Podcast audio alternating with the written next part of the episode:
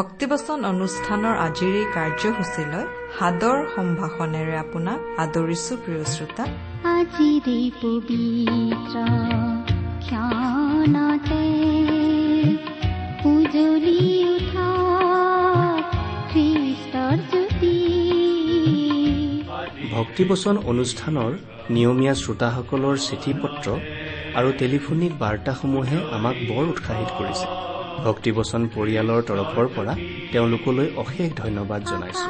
প্ৰভু যীশুৰ বাণীসমূহে শ্ৰোতাসকললৈ আশীৰ্বাদ কঢ়িয়াই অনা বুলি জানিলে আমি কাম কৰি যাবলৈ অধিক বল পাওঁ। ঈশ্বৰে আপোনালোকক এইদৰে সদায় আশীৰ্বাদ কৰি থাকক। আপোনাৰ জীৱন আৰু পৰিয়ালত সদায় সুখ শান্তি আৰু প্ৰচুৰতা প্ৰভু যীশুৱে দান কৰক।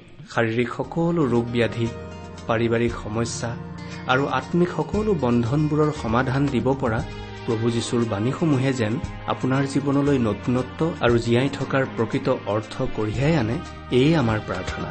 নতুন দিনত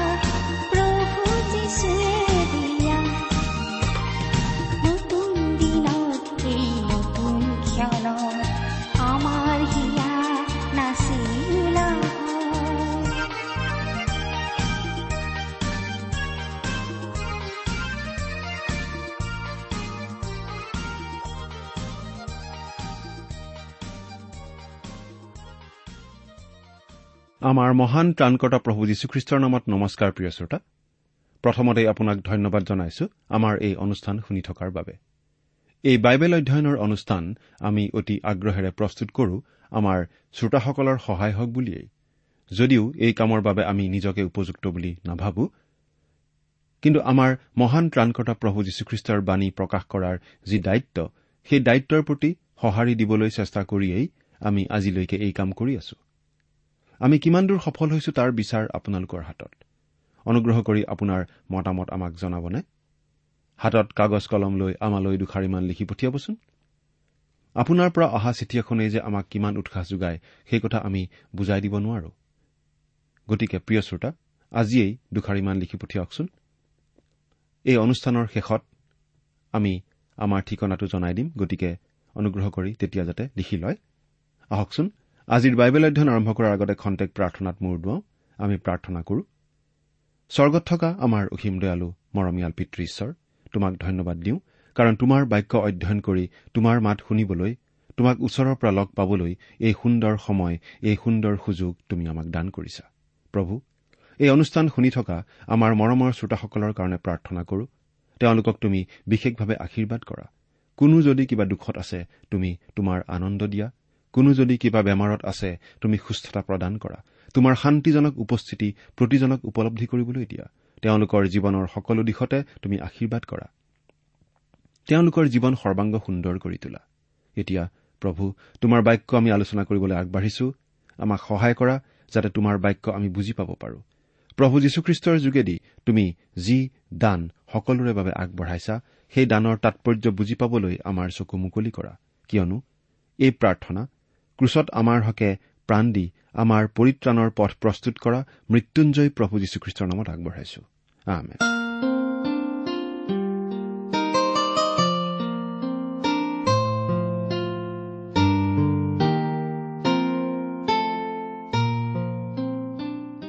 প্ৰিয় শ্ৰোতা আপোনাৰ নিশ্চয় মনত আছে যে আমি এতিয়া বাইবেলৰ পুৰণি নিয়ম খণ্ডৰ হিতুপদেশ নামৰ পুস্তকখন অধ্যয়ন কৰি আছো নহয়নে বাৰু?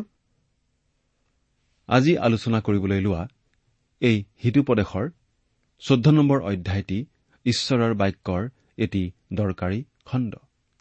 ইয়াত ঈশ্বৰৰ প্ৰজ্ঞা আমাৰ কাৰণে চুটি চুটি বাক্যত সজাই পৰাই আগবঢ়াই দিয়া হৈছে। পদবোৰ একাদিক্ৰমে আলোচনা কৰি যাওঁতে আমি দেখা পাম যে ইয়াৰ উপদেশবিলাক বহুতৰ বাবে অতি খাপ খোৱা আমাৰ পৰিচিত বন্ধু বান্ধৱীৰ কাৰণেও খাপ খোৱা আনকি আপোনাৰ আৰু মোৰ কাৰণেও অতি উত্তম আমাৰ জীৱনত খাপ খোৱা। কিয় বাৰু?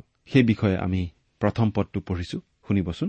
প্ৰত্যেক জ্ঞানৱতী তিৰোতাই নিজৰ ঘৰ সাজে কিন্তু অজ্ঞানীয়ে নিজ হাতে তাক ভাঙি পেলায়।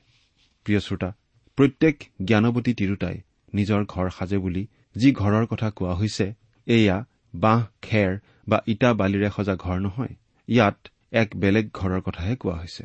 উদাহৰণস্বৰূপে আমি অব্ৰাহামৰ ভাৰ্যা ছাৰাৰ কথাকেই ক'ব পাৰো। তেওঁ ঈশ্বৰৰ বিশ্বাসত বীৰ বুলি জনাজাত অব্ৰাহামৰ সহধৰ্মিনী আছিল আৰু সেই ছাৰাই ইছৰাইলৰ ঘৰ সাজিছিল। তাৰোপৰি আমি মুচিৰ মাক জাকুবেদৰ কথাও ক'ব পাৰো। তেওঁ নিজ ঘৰ সাজিছিল। কেনেকৈ জানেনে? তেওঁ বিদেশ ভূমিত এজনী দাসী আছিল আৰু তেনে অৱস্থাত তেওঁৰ গৰ্ভৰ ফলৰূপে জন্ম পোৱা মুচিৰ জন্ম হোৱাত সেই মুচিক নিষ্ঠুৰ ফৰৌনৰ হাতৰ পৰা বচাবলৈ তেওঁক লুকুৱাই ৰাখিছিল। কিন্তু বেছিদিন লুকুৱাই ৰাখিব নোৱাৰাত তেওঁ মুচিক নদীত উটুৱাই দিছিল। কিন্তু তাৰনো কি হয় তাক চাই আছিল। তেওঁৰ বায়েক মিৰিয়ামে এনেতে ফৰৌনৰ জীয়েকে মুচিক দেখা পাই নিজ ঘৰলৈ লৈ যোৱা কথাটো দেখা পায় আৰু তেতিয়া জাকুবেদে ফৰৌনৰ জীয়েকৰ দাসী হৈ নিজ পুত্ৰক প্ৰতিপালন কৰে। এই জাকুবেদে মুচিক ঈশ্বৰৰ বিষয়ে শিক্ষা দিছিল। আৰু ইছৰাইল জাতিলৈ ঈশ্বৰে যিবিলাক প্ৰতিজ্ঞা কৰিছিল সেইবিলাক সোঁৱৰাই দিছিল। কালক্ৰমে এই মুচিয়ে ইছৰাইলক মিছৰৰ বন্দী অৱস্থাৰ পৰা মুক্ত কৰিছিল। সেইকাৰণে আমি ক'ব পাৰো যে জাকুবেদ এগৰাকী আদৰ্শ মাতৃ আছিল আৰু নিজ ঘৰ তেওঁ সাজিছিল। ইয়াৰ বিপৰীতে কোৱা হৈছে কিন্তু অজ্ঞানীয়ে নিজ হাতে তাক ভাঙি পেলায়। এনে তিৰোতাৰ উদাহৰণো আমি বাইবেলতেই অনেক পাওঁ যিসকলে নিজৰ দুষ্টতাৰে ইতিমধ্যে সজা ঘৰ ভাঙি পেলাইছে। ইয়াৰ প্ৰমাণস্বৰূপে আমি দ্বিতীয় বংশাৱলী বাইশ নম্বৰ অধ্যায় দুই আৰু তিনি নম্বৰ পদ দুটি পাঠ কৰি দিছো শুনিবচোন। অহজিয়াই বিয়াল্লিছ বছৰ বয়সত ৰজা হৈ জিৰচালেমত এবছৰ ৰাজত্ব কৰিলে। তেওঁৰ মাকৰ নাম অথলীয়া। তেওঁ অমনিৰ নাতিয়েক। আৰু তেওঁ আহাবৰ বংশৰ পথত চলিলে।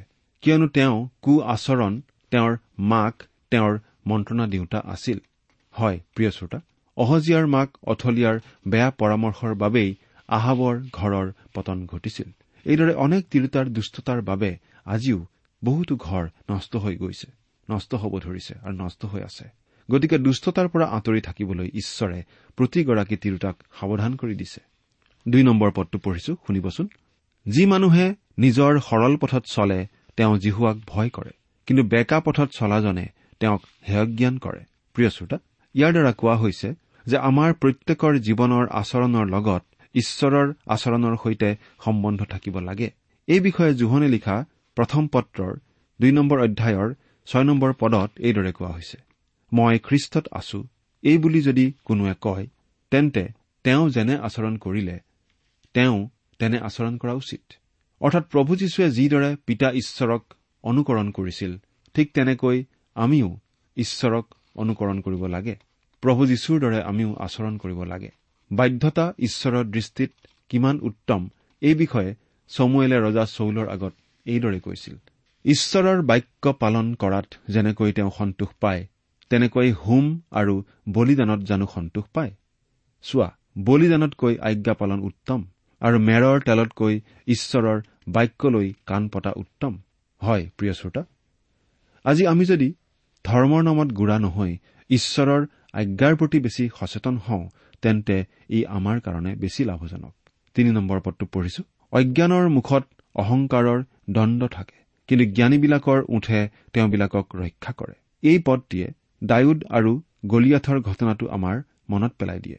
গলিয়াথৰ মুখত অহংকাৰৰ কথা আছিল। পলেষ্টিয়াবিলাকৰ প্ৰধান বীৰ বুলি সি নিজৰ ক্ষেত্ৰত বৰ অহংকাৰ কৰিছিল। কিন্তু তাৰ বিৰুদ্ধে যেতিয়া অকণমানি ডায়ুদে যুদ্ধ কৰিবলৈ ওলাই গৈছিল তেতিয়া গলিয়াথে ইটিকিং কৰি ডায়ুদক এই বুলি কৈছিল মই জানো কুকুৰ যে তই লাখুটি লৈ মোৰ ওচৰলৈ আহিছ তাৰ পাছত সেই পলেষ্টিয়া গলিয়াথে তাৰ দেৱতাবোৰৰ নামেৰে অভিশাপ দি দি ডায়ুদক কৈছিল তই মোৰ ওচৰলৈ আহ মই তোৰ মঙহ আকাশৰ চৰাইবোৰক আৰু বনৰীয়া জন্তুবোৰক দিওঁ ইয়াৰ বিপৰীতে ল'ৰা ডায়ুদে জ্ঞানৰ কথা কৈছিল আৰু তেওঁৰ উঠে তেওঁক ৰক্ষা কৰিছিল। ডায়ুদে গলিয়াথক কৈছিল তুমি তৰোৱাল বৰ্ষা আৰু জাঠি লৈ মোৰ ওচৰলৈ আহিছা। কিন্তু মই হলে তুমি ইটিকিং কৰা ইছৰাইলৰ সৈন্যবিলাকৰ ঈশ্বৰ বাহিনীবিলাকৰ ঈশ্বৰৰ নামেৰে তোমাৰ ওচৰলৈ আহিছো। এইদৰে কৈ ডায়ুদে কেটেপাৰে শিলগুটি মাৰি গলিয়াথক বধ কৰিছিল। চাৰি নম্বৰ পদ গৰু নহলে দানাপাত্ৰ নিকা হৈ থাকে কিন্তু গৰুৰ বলত অনেক শস্য উৎপন্ন হয়। প্ৰিয় শ্ৰোতা এই পদটিৰ যোগেদি আমাক এটি ডাঙৰ উপদেশ দিয়া হৈছে। আমি জানো যে অতীতকালৰ পৰাই আজিলৈকে বলদ গৰু হাল বোৱা আৰু গাড়ী টনা কামত ব্যৱহাৰ হৈ আহিছে। ইছৰাইলীয়াসকলে বলদ গৰু ঈশ্বৰৰ নামত উৎসৰ্গাও কৰিছিল।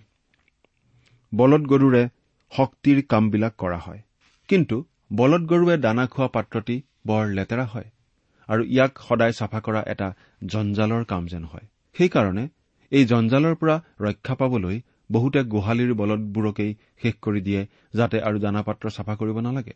ইয়াৰ যোগেদি আমাক এটি আম্মিক শিক্ষাও দিয়া হৈছে। শিক্ষাটো এনেধৰণৰ।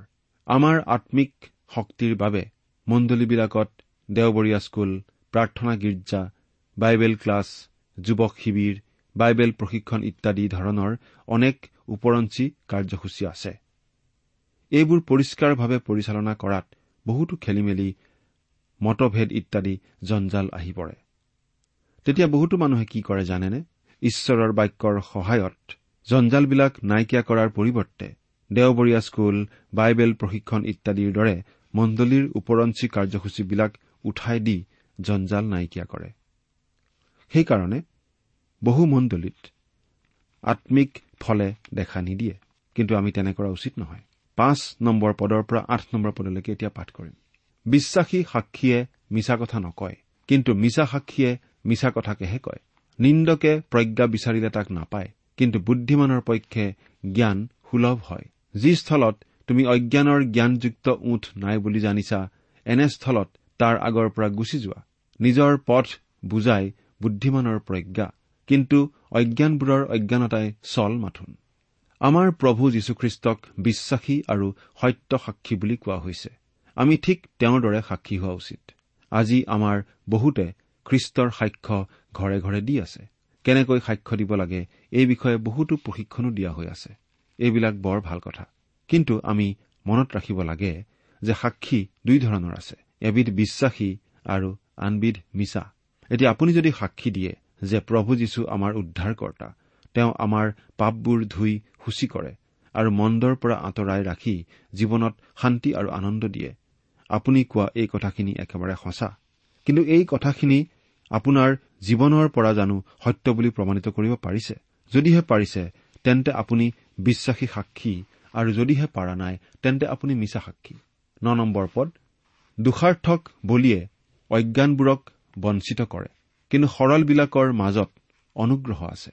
ঈশ্বৰৰ কাৰ্য যিয়ে উপলুঙা কৰে তেওঁ অপৰাধৰ পাত্ৰ।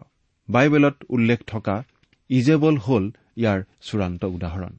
তেওঁ দেৱতাৰ নামত উৎসৰ্গ কৰাৰ দ্বাৰাই ঈশ্বৰক উপলুঙা কৰিছিল। এনে মানুহৰ পৰা আমি আঁতৰি থাকিব লাগে। দহ আৰু এঘাৰ নম্বৰ পদ মনে নিজৰ বেজাৰ নিজে বুজে কিন্তু অচিনাকি লোকে তাৰ আনন্দত হাত দিব নোৱাৰে। দুষ্টবোৰৰ ঘৰ বাৰী নষ্ট কৰা যাব কিন্তু সৰলবিলাকৰ তম্বু মংগলে থাকিব। প্ৰত্যেকৰ হৃদয় এক গোপন আনন্দ বা দুখেৰে ভৰি থাকে যিটো আনক ক'ব নোৱাৰি। অৱশ্যে কবলৈ ইচ্ছা কৰিলেও আনে সম্পূৰ্ণকৈ কেতিয়াও বুজিব নোৱাৰে। উদাহৰণস্বৰূপে আমি প্ৰভু যীশুখ্ৰীষ্টক পৰিত্ৰাতা প্ৰভুৰূপে বিশ্বাস কৰি পৰিত্ৰাণ পাইছো। পৰিত্ৰাণৰ সোৱাদ কিমান মধুৰ। এইটো সেই পৰিত্ৰাণ পোৱাজনেহে উপলব্ধি কৰিব পাৰে। পৰিত্ৰাণ নোপোৱা মানুহক বুজালেও বুজিব নোৱাৰে উপলব্ধি কৰিব নোৱাৰে। এগৰাকী বিখ্যাত বাইবেল শিক্ষকে কৈছে যে তেখেতৰ দেউতাক ঢুকোৱাৰ সময়ত তেওঁ এজন সৰু ল'ৰা আছিল। সেইকাৰণে তেখেতে দেউতাকৰ মৃত্যুৰ বেদনা অনুভৱ কৰিব পৰা নাছিল। কিন্তু আনবিলাকে হলে শোকত শোকাতুৰ হৈ আছিল। এই কথাটো আকৌ তেখেতে উপলব্ধি কৰিব পৰা নাছিল। সেইকাৰণে তেখেতে অতি আগ্ৰহেৰে এটি সুন্দৰ কবিতা লিখিছিল আৰু সেইটো ঘৰৰ গোট খাই থকা সকলোকে পঢ়ি শুনাইছিল। পঢ়ি তেখেতে যি আনন্দ পাইছিল তাক তেখেতে ভাষাৰে কাকো বুজাব নোৱাৰিছিল। কিন্তু আনবিলাকে শুনি আনন্দ পোৱাৰ পৰিৱৰ্তে তেখেতক ঠেলি আঁতৰাই দিছিল। সেইকাৰণে সেইটোৱেই তেখেতৰ জীৱনত শেষ কবিতা আছিল। তেখেতৰ ভিতৰত যদি কবিৰ এটি কলি আছিল তথাপিতো সেই কলিটো পৃথিৱীৰ বুকুত ফুলি উঠাৰ আগতেই কলিতে মোহাৰি পৃথিৱীৰ বুকুৰ পৰা চিৰদিনৰ বাবে নাইকিয়া কৰা হল। গতিকে এনেবোৰ কথা আনক কলে কোনে বুজিব? বাৰ নম্বৰ পদৰ পৰা চৈধ্য নম্বৰ পদলৈকে পাঠ কৰি দিছো শুনিবচোন। কোনো কোনো পথ মানুহৰ দৃষ্টিত সৰল বোধ হয় কিন্তু শেষত সেয়ে মৃত্যুৰ পথ। হাঁহিৰ সময়তো মনত দুখ হ'ব পাৰে আৰু আনন্দৰ শেষত খেদ হয়। যাৰ মন বিপদগামী সি সম্পূৰ্ণৰূপে নিজ আচৰণৰ ফল ভোগ কৰি থাকিব। কিন্তু সৎলোকে নিজৰ পৰাই তৃপ্তি পাব। প্ৰিয় শ্ৰোতা এই পদকেইটি দেৱপূজক আৰু মতবাদ বিশ্বাসী লোকৰ ক্ষেত্ৰত প্ৰযোজ্য বুলি আমি ক'ব পাৰো। তেওঁলোকে যুক্তিসংগত সুন্দৰ আকৰ্ষণীয় কথা কয় কিন্তু শেষত সেয়ে মৃত্যুৰ পথ। অৱশ্যে এইবিলাক আজিকালি বেছি জনপ্ৰিয় হৈ আছে বাঢ়ি আছে। কাৰণ ই মানুহৰ পুৰণি স্বভাৱৰ কথা কয়। ই মাংসময় শৰীৰৰ কথা কয়। ই নীতি নিয়মৰ কথা কয়। এই পথত চলিয়েই শেষত কিবা এটা পাব বুলি মানুহক পতিয়ন নিয়ায়। কিন্তু যীশুখ্ৰীষ্টৰ বাহিৰে শেষ গতি সৰ্বনাশৰ বাহিৰে একো নাই বুলি বাইবেলে কয়। ঈশ্বৰৰ বাক্যই এই কথা কৈছে। যীশুখ্ৰীষ্টই কৈছে মই এই বাট সত্য আৰু জীৱন। মোৰ যোগেদি নগলে পিতৃৰ ওচৰলৈ কোনো নাযায়।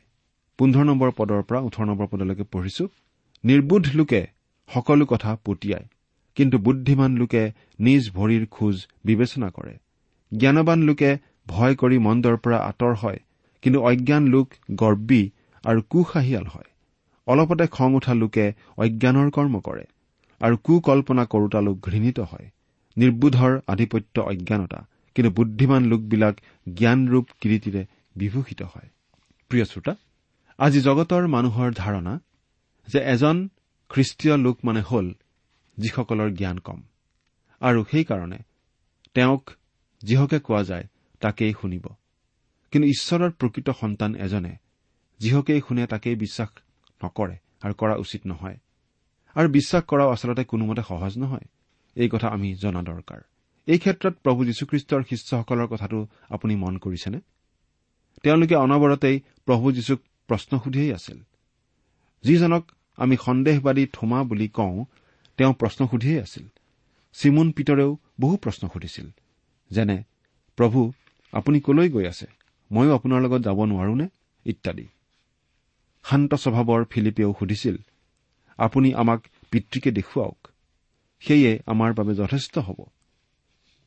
ইস্কৰিউতীয়া যীহুদাই নহয় কিন্তু আনজন যীহুদাই সুধিছিল আপুনি আমাক যিবোৰ দেখুৱাই আছে সেইবোৰ জগতৰ মানুহক নেদেখুৱাই কিয় বাৰু?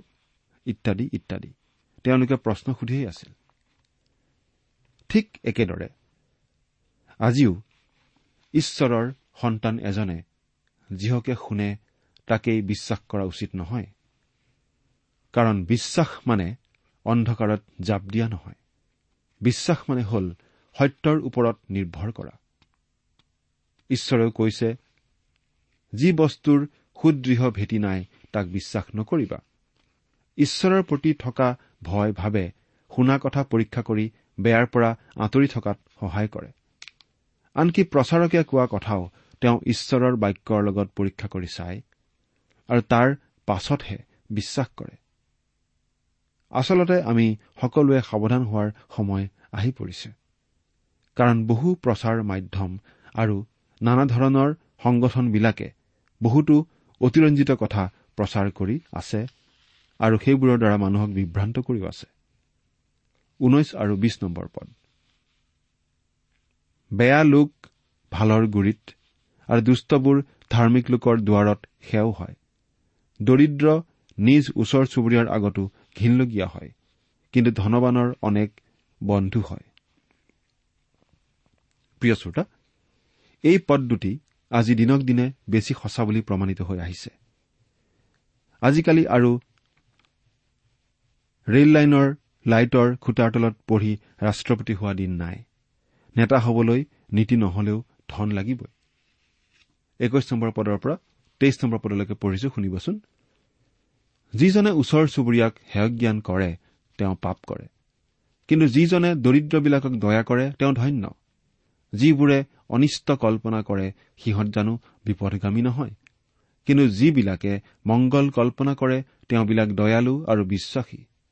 সকলোবিধ পৰিশ্ৰমত লাভ আছে কিন্তু গপ কথাই কেৱল অভাৱ ঘটায়। বাৰু যাৰ পৰা আপুনি একো পাবলৈ আশা কৰিব নোৱাৰে তেনে লোকৰ প্ৰতি আপোনাৰ মনোভাৱ বাৰু কেনে? তেওঁলোকক কেতিয়াবা সহায় কৰি পাইছেনে বাৰু? নাইবা আপুনি আনৰ কাৰণে ভাল চিন্তা কৰেনে বাৰু? যদি কৰে তেন্তে সেয়া কেৱল কথাৰে নহয় কামেৰেও হওক। কিছুমান মানুহ আছে কেৱল কথা কয় কথাকেই কয় একো নকৰে। আমাৰ মাজত কথা কোৱা আৰু কাম কৰা দুই শ্ৰেণীৰ মানুহ আছে। চৌব্বিছ আৰু পঁচিছ নম্বৰ পদ পঢ়িছো।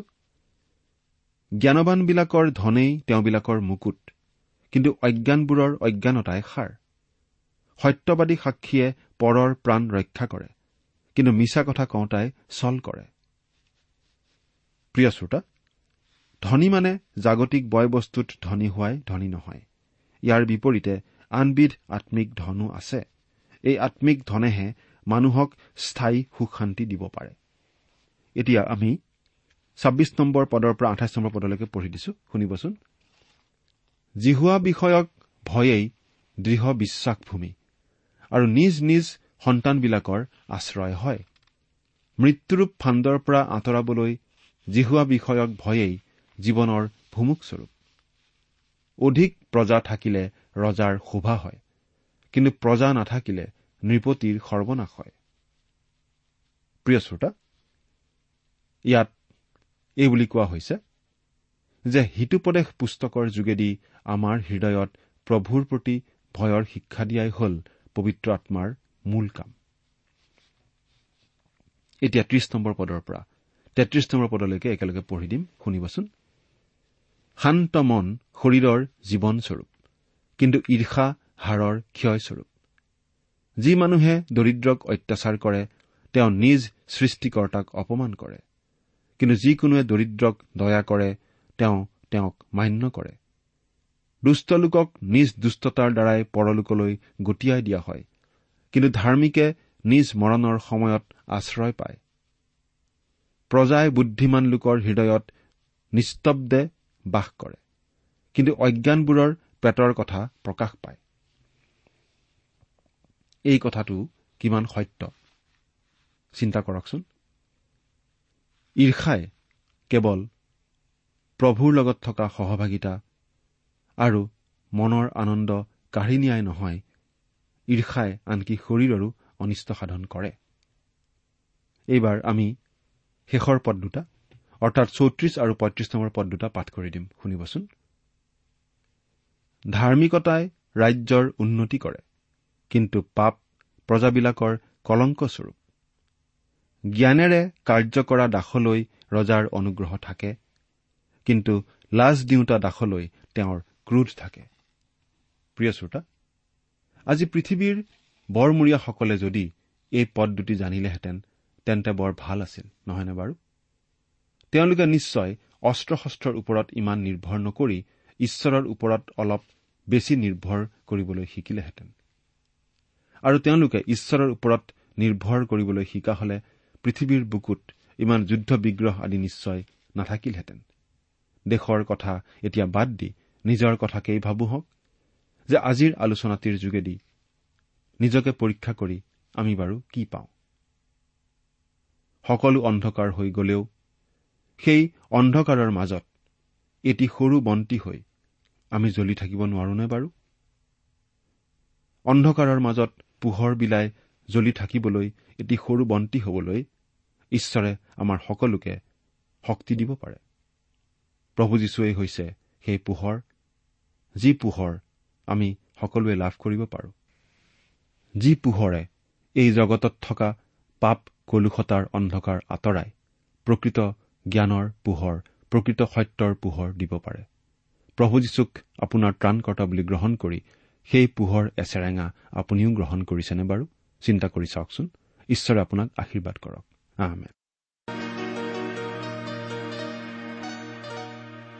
প্ৰিয় শ্ৰোতা ইমান পৰে আপুনি বাইবেল শাস্ত্ৰৰ পৰা ঈশ্বৰৰ বাক্য শুনিলে। এই বিষয়ে আপোনাৰ মতামত জানিবলৈ পালে আমি নথৈ আনন্দিত হ'ম। আমি প্ৰস্তুত কৰা বাইবেল অধ্যয়নৰ চিডিসমূহ পাব বিচাৰিলে আৰু অনুষ্ঠানত প্ৰচাৰ কৰা কোনো কথা বুজিব লগা থাকিলেও আমালৈ লিখক। আমাৰ যোগাযোগৰ ঠিকনা ভক্তিবচন ট্ৰান্সৱৰ্ল্ড ৰেডিঅ' ইণ্ডিয়া ডাক বাকচ নম্বৰ সাত শূন্য গুৱাহাটী সাত আঠ এক শূন্য শূন্য এক।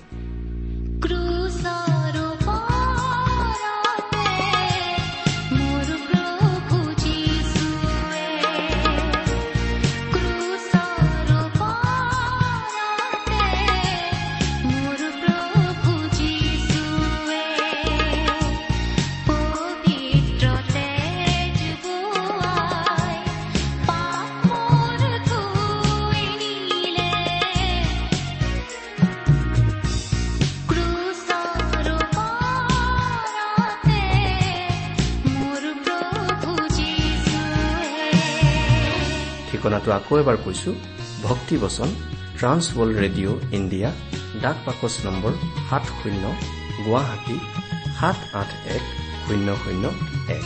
আমাৰ ইমেইল এড্ৰেছটো হৈছে Assamese T TV at the rate radio' eight eight two dot com. আমাৰ website W W W dot T W R dot in. আপুনি টেলিফোনৰ মাধ্যমেৰেও আমাক যোগাযোগ কৰিব পাৰে। আমাৰ টেলিফোন নম্বৰটো হৈছে nine eight five four zero' four zero' eight eight nine.